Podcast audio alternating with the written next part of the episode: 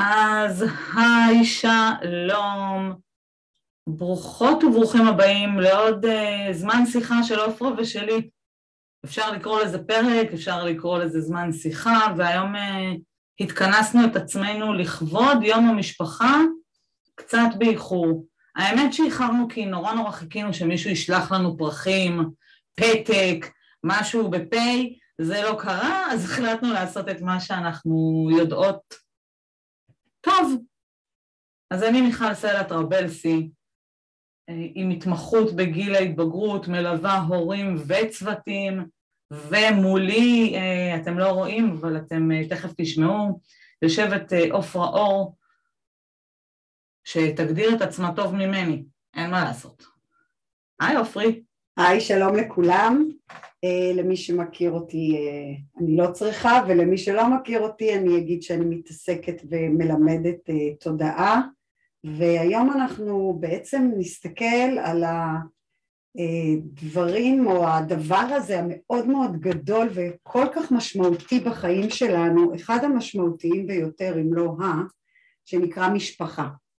משפחה, אנחנו, אנחנו מכירים כולנו משפחה, רובנו מגיל מאוד מאוד צעיר נורא רוצים משפחה. יש לנו איזה חלום כזה. יש כאלה שמתמקדים באביר או הנסיכה שיגיעו וימלאו את המשבצת של הזוגיות, אבל הרבה מאוד אנשים עדיין חולמים על הבית עם הגדר הלבנה והדשא בחוץ והמקום הזה של המשפחתיות והמקום החם והעוטף והמגן והשומר ושבו אוהבים אותך וכל הדברים האלה שבעצם מגדירים עד היום ובמשך אלפי שנים את העניין הזה של משפחתיות. אני החלטתי שבשיחה הזאת בינינו אני אהיה הקול המעצבן, אוקיי? או הקול ששואל את השאלות שקופצות למוח. אני לא יודעת אם זה קול מעצבן, זה קול לגיטימי, זה קול שנשמע, וזה קול שנמצא כל הזמן. אז uh, את יכולה לשאול, ברור, כל דבר. אני גם אעלה שאלות בעצמי. Uh, דרך אגב, אנחנו, בגלל שמיכל ואני, uh, זה מיכל ואני, אחד הדברים שאנחנו הכי אוהבות זה כשיש שאלות.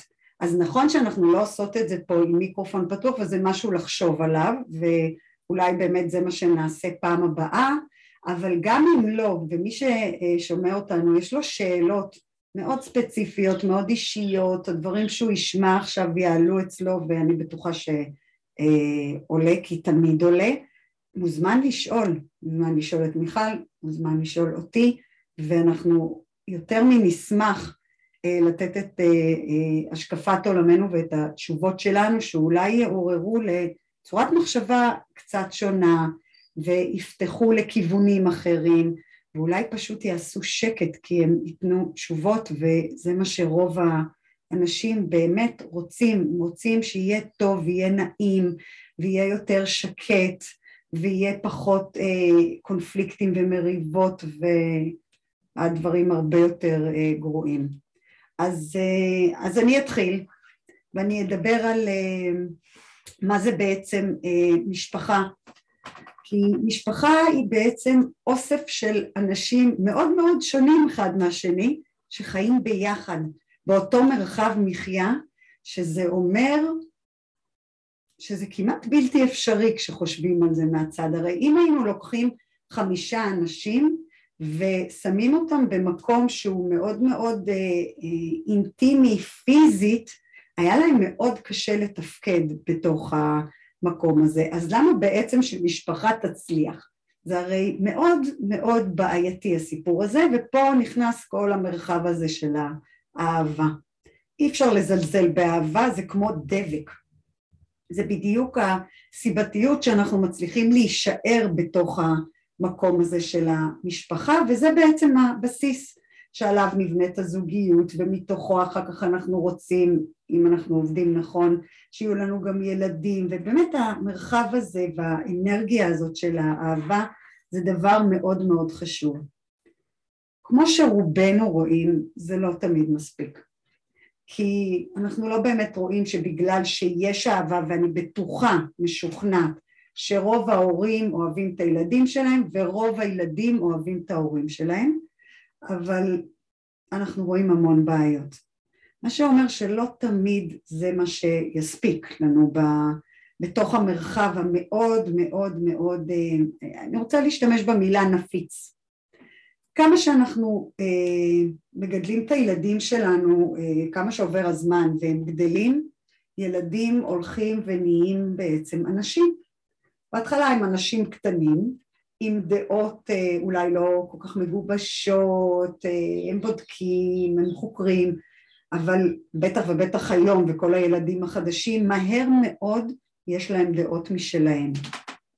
ברוב המקרים בגלל הפרשי והבדלי הדורות ובגלל חרדות ובגלל דאגה ובדיוק המילים האלה שנכנסות עכשיו לתוך המרחב הזה של המשפחתיות מתחילים להיווצר פערים. יש לי שאלה.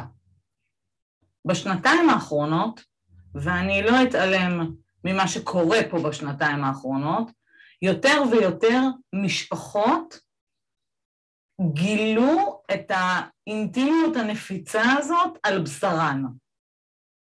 ובעצם מה שקרה זה שהתוודענו לאנשים שהייתה מעליהם כותרת, הם המשפחה שלי, בילינו איתם יותר זמן מכרגיל, מזכירה לשתינו שמחקרים מדברים על בין 7 ל-14 דקות שבועיות לפני הקורונה והיום על 4,000 דקות יומיות בזמן הקורונה.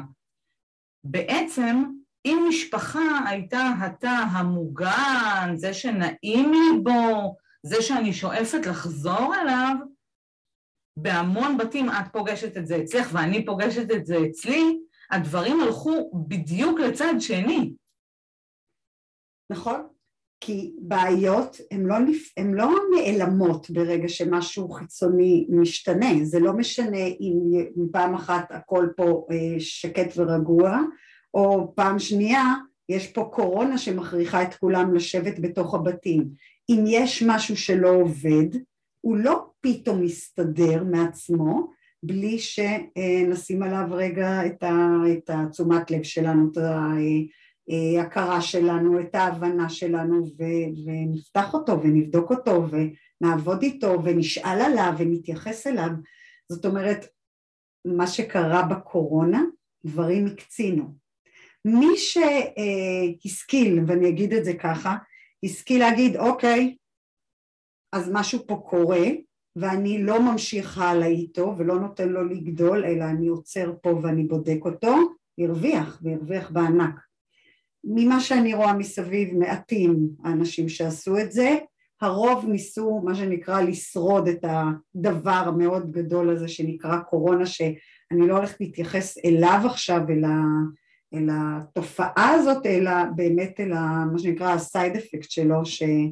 שפגע בהמון המון משפחות, אני יכולה לספר שאני מלמדת לא מעט אה, מורות שדיווחו על אה, מקרים רק יותר ויותר קשים בגלל שילדים למשל לא היה להם את הבית ספר מה שנקרא לברוח אליו מהבתים המאוד אה, לא פשוטים שהם נמצאים או מהחוויות המאוד לא פשוטות שהם חווים בבתים שלהם אז משפחה זה לא תמיד דבר מוגן ושקט ורגוע ותומך ועוזר ורואה ומקשיב זה הרבה פעמים גם מקום לחיכוכים ומקום של חרדות ומקום של חוסר שקט שהילדים מרגישים שאין להם מקום שם והם על תנאי שם, מה זה על תנאי?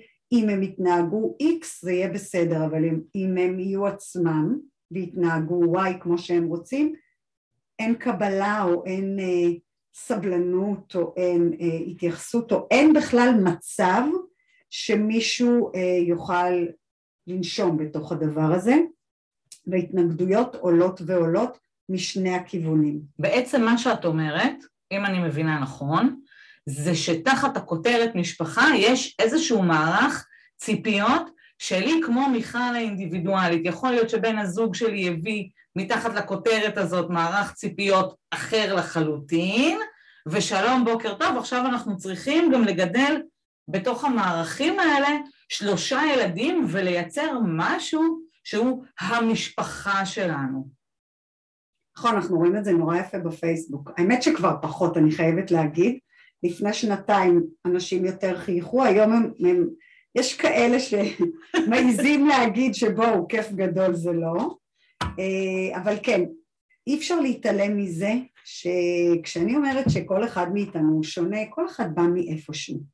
וכל אחד בא מצורות חינוך כאלה ואחרות. וכל אחד עבד, אה, עבר חוויות שונות ומשונות שההתייחסות שלו אליהם היא גם שונה מזה שבן הזוג התייחס לאותה חוויה בקונסטלציה כזאת או אחרת.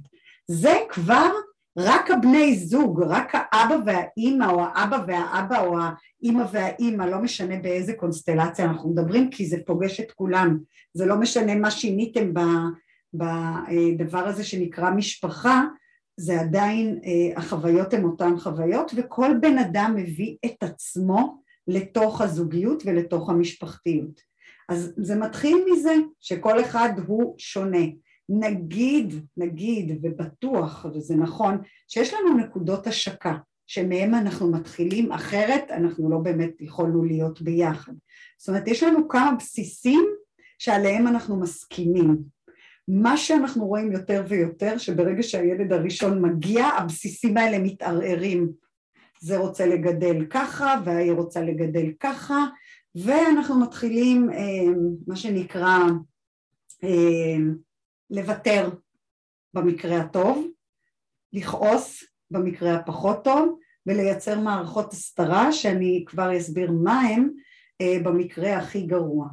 תראו, כי אם אני כועסת אז לפחות רואים שאני כועסת, ואם אני מסכימה אז יופי, אפשר להתקדם, אבל אם אני מתחילה להיות במערכת הסתרה, ומערכת הסתרה לא צריך ללכת רחוק, מדברת על כל המקרים שאני לא באמת אומרת מה שיש לי להגיד, שאני מוותרת על מה שבאמת חשוב לי, אפילו רק בביטוי שלי, בלהוציא את זה החוצה בצורת הדיבור.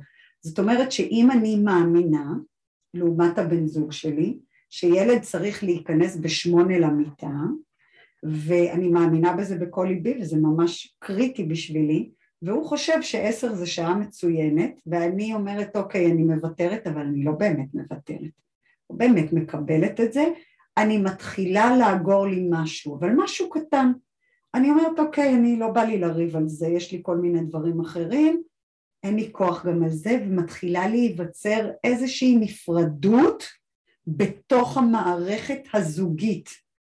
הדבר הזה מחלחל מהר מאוד לתוך המשפחה. זה לא באמת שהסכמתי על זה, זה שמתי את זה בצד.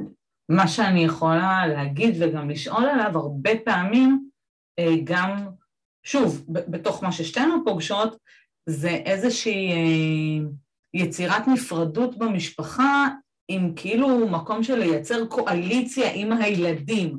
זאת אומרת, יש את שני בני הזוג, שהם כאילו המבוגרים האחראיים, ואני, בגלל מערכות ההסתרה והכעסים הקטנים שלי, אה, אקח את הילדים לצד שלי. האם זה משהו שהוא עלול לפרק משפחה? האם זה משהו שהוא, הזוגיות היא יותר מהמשפחה? איפה זה יושב בכלל? זאת אומרת, אם אני עכשיו רוצה, אני נורא כועסת על בן הזוג שלי, ואני לא אלך על בין שמונה לעשר, אנחנו נדבר על... אה, הוא חושב שלשתות אלכוהול בגיל ההתבגרות זה לא כל כך נורא, כי כולם עוברים את זה. אני חושבת שזה קו אדום, ואני מפתה את הילד שלי לבוא אליי קצת כמו במשיכת חבל, כי אני אפצה אותו בעוד 50 שקלים בדמי כיס, והוא ימשוך את הילד אליו, כי הוא יגיד לו בוא תשתה איתי רגע איזה ערק אה, בחוץ, או אני מסכים לך. איך זה עובד, המקום הזה של בין זוגיות למשפחה? זה נקרא להשתמש בילדים, אגב, אוקיי? שאנחנו מכירים את זה, וילד חכם, מה הוא עושה? מנצל, כן, מנצל את שני ההורים, אומר אוקיי, זה ככה, זה ככה, אני אקח את הטוב שבכל העולמות, מה שטוב לי. אז יש פה כבר משהו כבר הרבה יותר בעייתי, אוקיי? כשאנחנו כבר משתמשים בילדים שלנו, ואנחנו יודעים שהרבה מאוד הורים עושים את זה, אה, אני לא יודעת, אה, לא, זה לא שאני לא יודעת, אני בטוחה שזה לא לטובת הילדים, זה כדי לפגוע בבן הזוג וכדי באמת לשלוט. בואו נדבר על המילה הזאת, להיות בשליטה ולהיות יותר חזק בתוך המערכת הזאת של, ה, של המשפחה. אה, בעצם אה, אנחנו שמים את המשפחה פה בצד, אנחנו שמים את הזוגיות בצד, אנחנו יוצאים למלחמה שהיא מתחת לפני השטח, כי היא לא באמת מדוברת, או כן מדוברת, אבל בצורה לא ישירה, לא מתוך מקום של לפתור דברים, אלא מתוך, מתוך מקום באמת של שליטה והתנגחות ומי יותר חזק בתוך הסיפור הזה, תוך גיוס הילדים לצד שלי או לצד השני, אה, מה שבטח לא יוביל לשום דבר טוב, וזה מקומות שהפערים והכעסים רק ילכו ויגדלו. אני רוצה לדבר על משהו, על תופעה שאני נתקלת בה לא מעט. משפחה היא לא יחידה אחת. זאת אומרת, אני לא יכולה אה, להגיד לבן זוג שלי, אנחנו יחידה אחת. כי אנחנו לא. מה זאת אומרת? אני רוצה לריב. אני, הוא יחיד, אני יחידה, הילדים שלי, הילדים שלי בכלל הם יחידים, הרי אנחנו יודעים שמתוך משפחה שיש בה שניים, שלושה ילדים, ובטח ובטח יותר, יוצאים ילדים אחרים לגמרי ברצונות שלהם, בהתנהגות שלהם, במערך הרגשי שלהם, לפעמים הם גם שונים בנראות שלהם, זאת אומרת הצרכים שלהם הם אחרים, בתוך אותה יחידה, אין דבר כזה, אנחנו נותנים מסגרת, בתוך המסגרת הזאת כל אחד הוא בפני עצמו. זה נורא חשוב להבין את זה, צריך לתת לזה המון המון מקום. למה? לא, רגע. אוקיי. אני אזכור את הלמה, אני מבטיחה. אבל אני עוד הולכת צעד אחורה. בעצם מה שעשית עכשיו, לקחת ואמרת להורים שלמים את המשפ... המושג אצלנו בבית דה דה דה דה דה. אנחנו כולנו דה דה דה דה דה. זה לא קורה? זה יכול לקרות, אבל אם זה קורה, יש פה מערך שליטה מאוד גדול, אין פה את ראיית האחר, אין מצב שמשפחה שלמה חושבת אותו דבר. זה אנשים שונים, איך הם יכולים לחשוב אותו דבר? עכשיו, אם כולם גם חושבים אותו דבר, איפה ההתפתחות, איפה ההתקדמות, איפה הגדילה המשותפת, הרי ממה אנחנו גדלים? משונות.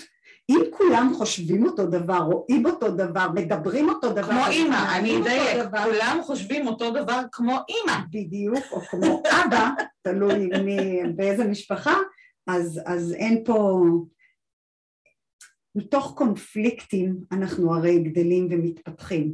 מתוך זה שמישהו אחר לידינו חושב אחרת, אנחנו הרי אמורים לעצור רגע, לראות למה הוא חושב ככה ולראות האם זה נכון לנו או האם אה, אנחנו אה, צריכים להישאר ולחשוב, להמשיך לחשוב את שלנו, אבל הלמה, אני חוזרת ללמה, בסדר? לא, גם אם המישהו האחר הזה הוא, הוא בן 15 שחושב שעכשיו הדבר הכי מפתח תודעה ומרגיע חרדה זה אה, לעשן וויד גראס בחדרו לבד עם עצמו, זה הוא חושב, הוא דרך אגב גם יסביר לי, ואני, בת... שוב, אני אומרת אני על, על מקרים ש, שמגיעים אליי ואלייך, אה, ואני בתור המבוגרת חושבת את מה שאני חושבת על הדבר הזה, שזה פוגע בו, שזה מסכן אותו, ש... אז להניח לזה? לא. ממש לא. יש לנו תפקיד כאבא ואימא. יש לנו תפקיד כאבא ואימא, הם עדיין ילדים, יכולת ההסתכלות שלהם היא מצומצמת, אוקיי? עם כל החיבורי אינטרנט שלהם וכל הפתיחות וכל המידע שזורם אליהם באמת בלי שום אה, אה, גבולות בכלל הייתי אומרת שזה די חבל אם אנחנו מסתכלים אה, לכיוון של סקס למשל וכל מיני דברים כאלה אבל בואי רגע נתמקד בדוגמה אה, שאת נתת. דבר ראשון וזה עובד לטובתנו דווקא כהורים אוקיי? כל מה שקשור לסמים מוויד ועד לדברים ההרבה יותר אה, קשוחים הייתי אומרת, הוא לא חוקי במדינה שלנו. בואו נתחיל מזה, מאוד קל לנו עם זה לעבוד, כי אני לא אכנס עכשיו לכל המחקרים ומה הם אומרים, אבל אני יכולה להגיד חד משמעית שיש מחקר והוא אחד המובילים, שהוא פוגע עד גיל 24 במוח הקדמי שאחראי על שיקול הדעת שלנו בין השאר. אז אפילו מהבחינה הזאת של ההוכחה המדעית אם צריך לפנות אליהם אז אפשר לדבר על זה, אבל אני רוצה לדבר על זה ברמה היותר עקרונית. הנוכחות שלנו בחיים של הילדים שלנו היא צריכה להיות כזאת שמצד אחד מאפשרת להם למצוא את ההתפתחות שלהם, אני לא באמת חושבת שסמים מרחיבי תודעה זה הדבר הנכון להתפתחות שלהם, אבל אני שמה את זה כרגע בצד ואני מדברת על היכולת שלהם למצוא את דרכם ולראות מה נכון להם ומה לא נכון להם ומה אה, מפתח אותם ומה לא רלוונטי להם לחיים מתוך מה שאנחנו מציעים להם, שזה למשל מערכת החינוך, בוא נגיד את האמת, המון מזה הוא לא כל כך ריאלי כבר לילדים האלה שהם מתקדמים שנות דור ממה שהם מתעסקים שם, וזו בעיה מאוד מאוד גדולה, שהם הולכים לחפש עניין מחוץ למערכות שאנחנו עדיין שולחים אותם אליהם. אז כן, בית צריך להיות על הדבר הזה מצד אחד. לראות שמה שמסכן את החיים שלהם, וכן סמים יכולים לסכן חיים לחלוטין, גם אם הם לא מבינים את זה בגיל 16-17, הם יכולים להבין את זה בגיל קצת יותר מאוחר, ובשביל זה אנחנו קיימים. כל עוד ילד הוא קטין, הוא תחת חזקתנו, וזה לא סתם. יש לנו איזושהי אמירה שצריכה להיות חד משמעית. מה שכן, אנחנו צריכים להבין למה אנחנו אומרים. אוקיי? אם זה מתוך הפחדים שלנו, ואם זה מתוך החרדות שלנו, ואם זה מתוך ניסיונות שלנו, אז אנחנו צריכים טוב טוב להבין למה אנחנו אומרים לילד לא לעשות כל מיני דברים. כמובן שבעיניי, אני משערת שגם בעינייך, העניין הזה של סיכון החיים הוא קו אדום. זה לא משהו שאנחנו בכלל צריכים לחשוב פעמיים אם הוא נכון או לא נכון, וזה לא משנה אם זה לצאת לכביש ולנהוג כמו שצריך ועל פי החוקים או, או לקחת סמים ולשתות אלכוהול או עשרים ואחד אלף דברים אחרים שאנחנו כמבוגרים צריכים ללמד ולהנחות את הילדים שלנו מעצם זה שאנחנו בני חמישים והם בני שש עשרה. אני חושבת שפה יש הרבה מאוד בלבול באיסורים. אני, אני אגיד, נגיד איסורים על אל תתלבשי ככה, אה, כשבעצם הלמה הוא, זה מבייש אותנו כמשפחה. אל תתנהגי ככה, כי מה יגידו עלינו השכנים. זאת אומרת, הנאמנות הזאתי, שהיא לא תמיד יושבת על איזה הבנה, אלא על מה יגידו, את מביישת את המשפחה, אל תצאי איתו, אל תהיי בת זוג, בן זוג שלו, שלה, כי זה לא לה... זה לא הולם. זה לא הולם לא אותנו. כן, אז בואו נדבר רגע על נאמנות. מה זה המילה הזאת בכלל, אוקיי? מה זה נאמנות למשפחה? הרי אני קודם כל צריך להיות נאמן לעצמי, אוקיי? לתחושות שלי, לרצונות שלי, לחלומות שלי, לביטוי שלי. אני קודם כל, אם אני לא נאמן לעצמי, איכות החיים שלי יורדת. בשנייה, אוקיי? ואם אני מיישר קו, זה לא משנה אם אני מיישר קו עם המשפחה שלי, או עם החברים שלי, או עם ה... לא יודעת, אני גדלתי בקיבוץ, אז אני יכולה להגיד עם הקיבוץ שלי. אז בוא נדבר רגע על נאמנות, מה זה בכלל נאמנות? זה מעניין אותי לשמוע מה את אומרת, מה את שומעת. אני אגיד מה אני שומעת. הרבה פעמים יש ציפייה מהורים של מתבגרים, אה, כן, שהם יהיו נאמנים למה שההורים יקראו לו ערכי המשפחה, ואז נשאל, רגע, האם משפחה זה ערך? בעיניי לא. גם בעיניי לא. זה סל של דברים, אבל זה לא ערך. אנחנו מכירות מספיק אנשים שבשם הערך לא נשארו נאמנים לעצמם, וויתרו והתפשרו ו... ולקחו... בעצם התפשרו על הערכים שלהם לטובת הערך העליון הזה. זה, זאת עיקר הבעיה כשזה נהיה ערך. אז אני חושבת שאינדיבידואל זה, זה ערך, הרבה לפני משפחה.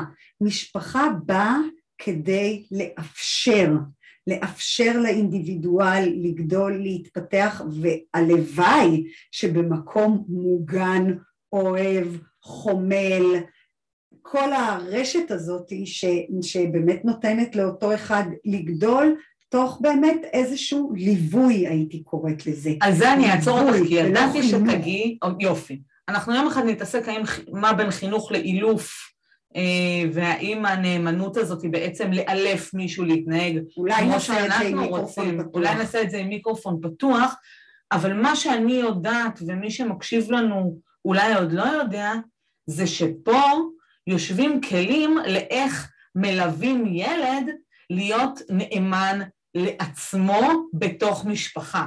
והייתי נורא רוצה שנסגור את השיחה הזאת בינינו, גם אם קצת, את לא אוהבת את המילה, אבל אני אגיד, קצת פרקטיקות לאיך אני, אם הקשבתי רגע לפרק הזה של שתינו, יכולה לראות שאני מלווה את הילד שלי בצורה שמפתחת אותו. ברמה הכי פרקטית אני צריכה לדעת, א', אני צריכה להכיר את עצמי. אוקיי? שזה הרבה הורים, הם קצת לוקים בזה, ואני אומרת את זה כי כולנו מתמודדים עם כל מיני דברים בחיים שלנו, ושמים על עצמנו מערכות הגנה שכוללות צורות התנהגות שבתוכנו בכלל אנחנו לא רוצים אותם. אנחנו הרבה פעמים לא מאמינים בהם, וזה כל הרצוי, נהוג, מקובל, צריך, וכל שאר הדברים האלה שהם כמעט לא נכונים כבר ל, ל, לרוב האנשים, אבל זה אפילו לא עולה על דעתם שאפשר להתנהג בצורה אחרת, כי זה דורש הרבה תעוזה ואומץ, זה דורש שינוי, שזה אחד הדברים שרוב האנושות עדיין מאוד פוחדת ממנו. אבל את רוצה פרקטיקה? פרקטיקה זה להיות אמיתי עם עצמי, להסתכל על עצמי בראי, להסתכל בעיניים ולהגיד אוקיי, כשאני לא נותן לילד שלי לצאת מהבית, או כשאני דורש מהילד שלי לבוא לאכול ארוחת ערב כשהוא כבר בן עשרים או בן שמונה עשרה ויש לו דברים אחרים יותר חשובים בעיניו לעשות, אז למה אני עושה את זה? למה אני עושה את זה? למה זה כל כך חשוב? למה כל כך חשוב לי שהילד יישב איתי מאיפה זה מגיע, האם באמת, האם באמת, כי אני מתגעגע אליו, רוצה לדבר איתו ורוצה לראות מה עבר עליו במשך היום, או שבשמונה אוכלים ארוחת ערב, וככה זה, וזה חוק, אוקיי? יש כללים וחוקים בהרבה מאוד משפחות, האם הם רלוונטיים או כבר לא. או שהוא יצא מהבית והלך לאוניברסיטה, ובעצם אני פוחדת שאני אשאר לבד עם עצמי, אז תבוא לפה כל שבת בחוק. ואני אגיד ש... עופרה פשוט לא זוכרת שהיא לימדה את זה, אבל אני אגיד את זה, שבליווי בתוך בית, אחד הדברים שהם מאוד עוזרים לנו ללוות את הילד שלנו, זה להכיר את התכונות שלו. מגיל מאוד צעיר אנחנו יודעות אה, מה משמח את הילד שלי, מה מפתח את הילד שלי. ילדים מגיל צעיר מדברים, על, מדברים את עצמם בצורות שונות. אז אני לא אלך למילה הגדולה והמאיימת, שגם אם פעם נעשה מיקרופון פתוח נדבר על איך מזהים תסריט של ילדים, אבל יש לזהות את תכונות האופי שלהם ולכוון וללוות, גם אם הם רגע מתרחקים משם בגיל ההתבגרות, להזכיר להם שהן קיימות. אני אתן דוגמה, והיא באמת מהבית שלי, הבכור שלי הוא ילד חובב היסטוריה, גיאוגרפיה, הוא קצת זז משם. בגיל, ה, בגיל ההתבגרות, בהארדקור, בזין חטא. השארתי כל הזמן גירויים גם פיזיים וגם ברמת השיחה בינינו, וזה נכון שהוא הלך הכי רחוק כרגע, אבל בליווי ובהתכווננות זכרתי מי הוא, ובעיקר זכרתי שהוא לא אח שלו, ועם אח שלו השיחות היו אחרות, או עדיין אחרות, זה בעיניי הליווי הזה, זאת אומרת רגע לדעת מה משמח אותו, מה מקדם אותו, זה לא אומר שאני עושה לו קל. בעצם את מדברת על להכיר אותו. כן. במילים אחרות. ואנחנו מכירים מישהו כשאנחנו מקשיבים לו, רק. בלי להקשיב לו, הוא יכול להיות באמת אה, נחמד ככל שיהיה, אה, איזשהו פס ייצור שאנחנו ייצרנו, וככה אנחנו מתייחסים, אוקיי? ואת בעצם אה, אומרת, כשאנחנו מכירים את הילדים שלנו, אז אנחנו גם נדע לתת להם את מה שהם צריכים, ואנחנו גם נעשה את זה בשמחה, כי התחלנו את השיחה ואמרנו שאין בעצם הורה שלא רוצה את טובת הילד שלו ואין הורה שלא אוהב את הילד שלו אה, ואנחנו כולנו הרבה פעמים מאבדים את הדרך בתוך הסיפור הזה מהרבה מאוד סיבות שכבר דיברנו עליהן ואני אגיד עוד פעם כי אני, כמה שאנחנו לא מדברות, ברור לי לגמרי שיש מקום להרבה מאוד שאלות של הורים, מה שנקרא אונליין, ופשוט אה, לתת לזה מענה על דברים שאנחנו כרגע, יכול להיות שאנחנו פשוט לא חושבות עליהם, על שאלה זאת או אחרת שיכולה לעלות, וזה קצת חבל לי, אבל אה, אני רוצה לתת את הכיוון הזה שלי, של ההקשבה, ראייה, ולצאת מהמסגרת הזאת שנקראת משפחה, שהיא אה, מובאת המון פעמים בצורה מאוד מאוד ברורה. זאת המשפחה, זה מה שעושים בה, זה מה שנהוג בה, ואנחנו מאמינים באחד, שתיים, שלוש, ארבע, כשבעצם הילד שלי בכלל מאמין לא בחמש, שש ושבע, בשמונה, תשע, עשר והלאה. בשמונים ושתיים. בדיוק, בשמונים ושתיים. לראיה אני אגיד, בואו נחשוב רגע על משפחות מעולם חרדי שהחליטו כן לקבל את הילד היוצא בשאלה, בוחר לחיות עם בן מינו, כי אהבה הייתה הדבר הראשון לפני איזשהו אה, אסופת קודים חברתיים. זאת אומרת, שאם אפשר רגע להתחיל לסגור את השיחה הזאת, אז בעצם משפחה היא המקום שאנחנו ביחד כדי להתקדם כל אחד לחוד. נכון, אבל כשאת אומרת את זה, משהו נורא חזק עולה לי ואני רוצה להגיד את זה פה, משפחה היא לא בכל מחיר. משפחה, כשאת אומרת אה, לקבל ילד שיוצא מהדת, זה דבר אחד. אבל מה קורה עם ילד שהולך למקומות אה, של פשע? זה קורה, זה קורה. הוא משתמש אה, בסמים, הוא לא מוכן לקבל עזרה בגמילה, והוא מתחיל לגנוב מהמשפחה, ואנחנו מכירים גם את הדברים האלה. והוא מכניס אותם לחובות והוא מכניס אותם למקומות ואנחנו כמשפחה תחת הכותרת הזאת המאוד גדולה של המשפחה רק רוצים לעזור ולהגן כי ככה אנחנו רגילים לחשוב. אז אפשר גם פה לעצור רגע ולחשוב טוב טוב האם זאת באמת עזרה?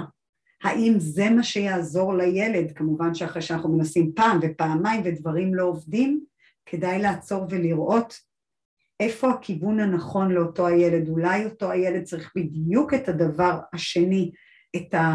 לא את הרחמים שלנו ולא את העזרה שלנו, את האמירה המאוד מאוד ברורה של ניסינו דרך אחת, היא לא עבדה, עכשיו אנחנו מנסים דרכים אחרות שאולי הן לא מאוד פופולריות, אבל הן אלה שיעזרו לילד. זאת אומרת שגם אה, אה, אהבה יכולה להתבטא בזה שאני מצליחה לראות את הצורך האמיתי של הילד גם אם הוא נוגד את כל מה שאני מאמינה בו ולקחתי את זה באמת לקצה הפחות נעים אבל גם בקצה היותר נעים. בואו נדבר על זה שאני רוצה שהילד שלי ילמד עם כל החברים שלו אבל הוא רוצה ללמוד נגינה בכלל באיזה בית ספר נורא נורא מיוחד ואני זה, זה הורג אותי. אבל אני עדיין צריכה להסתכל עליו ולראות באמת את מה שאני קוראת את התסריט שלו, את מה אה, גורם לעיניים שלו לזרוח ומה מרחיב לו את הלב ואיפה הוא מחייך ואיפה הוא שמח ולאן הוא מושך, מה הכיוון שלו בחיים וכן, תפקידי הוא לאפשר לו כמה שיותר אותו. אני אלך צעד אחורה. אני חושבת כשהאחד פוגע באחר אוקיי? שכשילד גונב, אה, משתמש בסמים... אה, משתמש בנו. משתמש בנו, אה, וזה עובר את הגבולות, אז שוב, זה לראות מה הוא צריך, וכן, אני אגיד גם להורים שיושבים פה, יש מקום שבו עוצרים. זה לא הרגש, זה ההבנה עולה על זה. זה פעם אחת. פעם שנייה, גם אצלי וגם אצל עופרה נפתחים עוד מלא סימני שאלה ואנחנו יכולות להמשיך ולדבר את עצמנו לדעת. אז אני אזמין אתכם לעשות שני דברים. אפשר, אה, אני אשים לינקים בתוך השידור, גם לדף פייסבוק של עופרה, גם לדף פייסבוק שלי. בכל אחד מהם אפשר לשאול שאלות בפרטי. אנחנו מתחילות לגלגל את הרעיון של מיקרופון פתוח, אז גם אם אין לכם שאלות ויש לכם מחשבה על מיקרופון פתוח, בואו תשתפו אותנו, שיהיה יום משפחה מועיל, אני אגיד. תודה, עופרי. שנת משפחה נהדרת.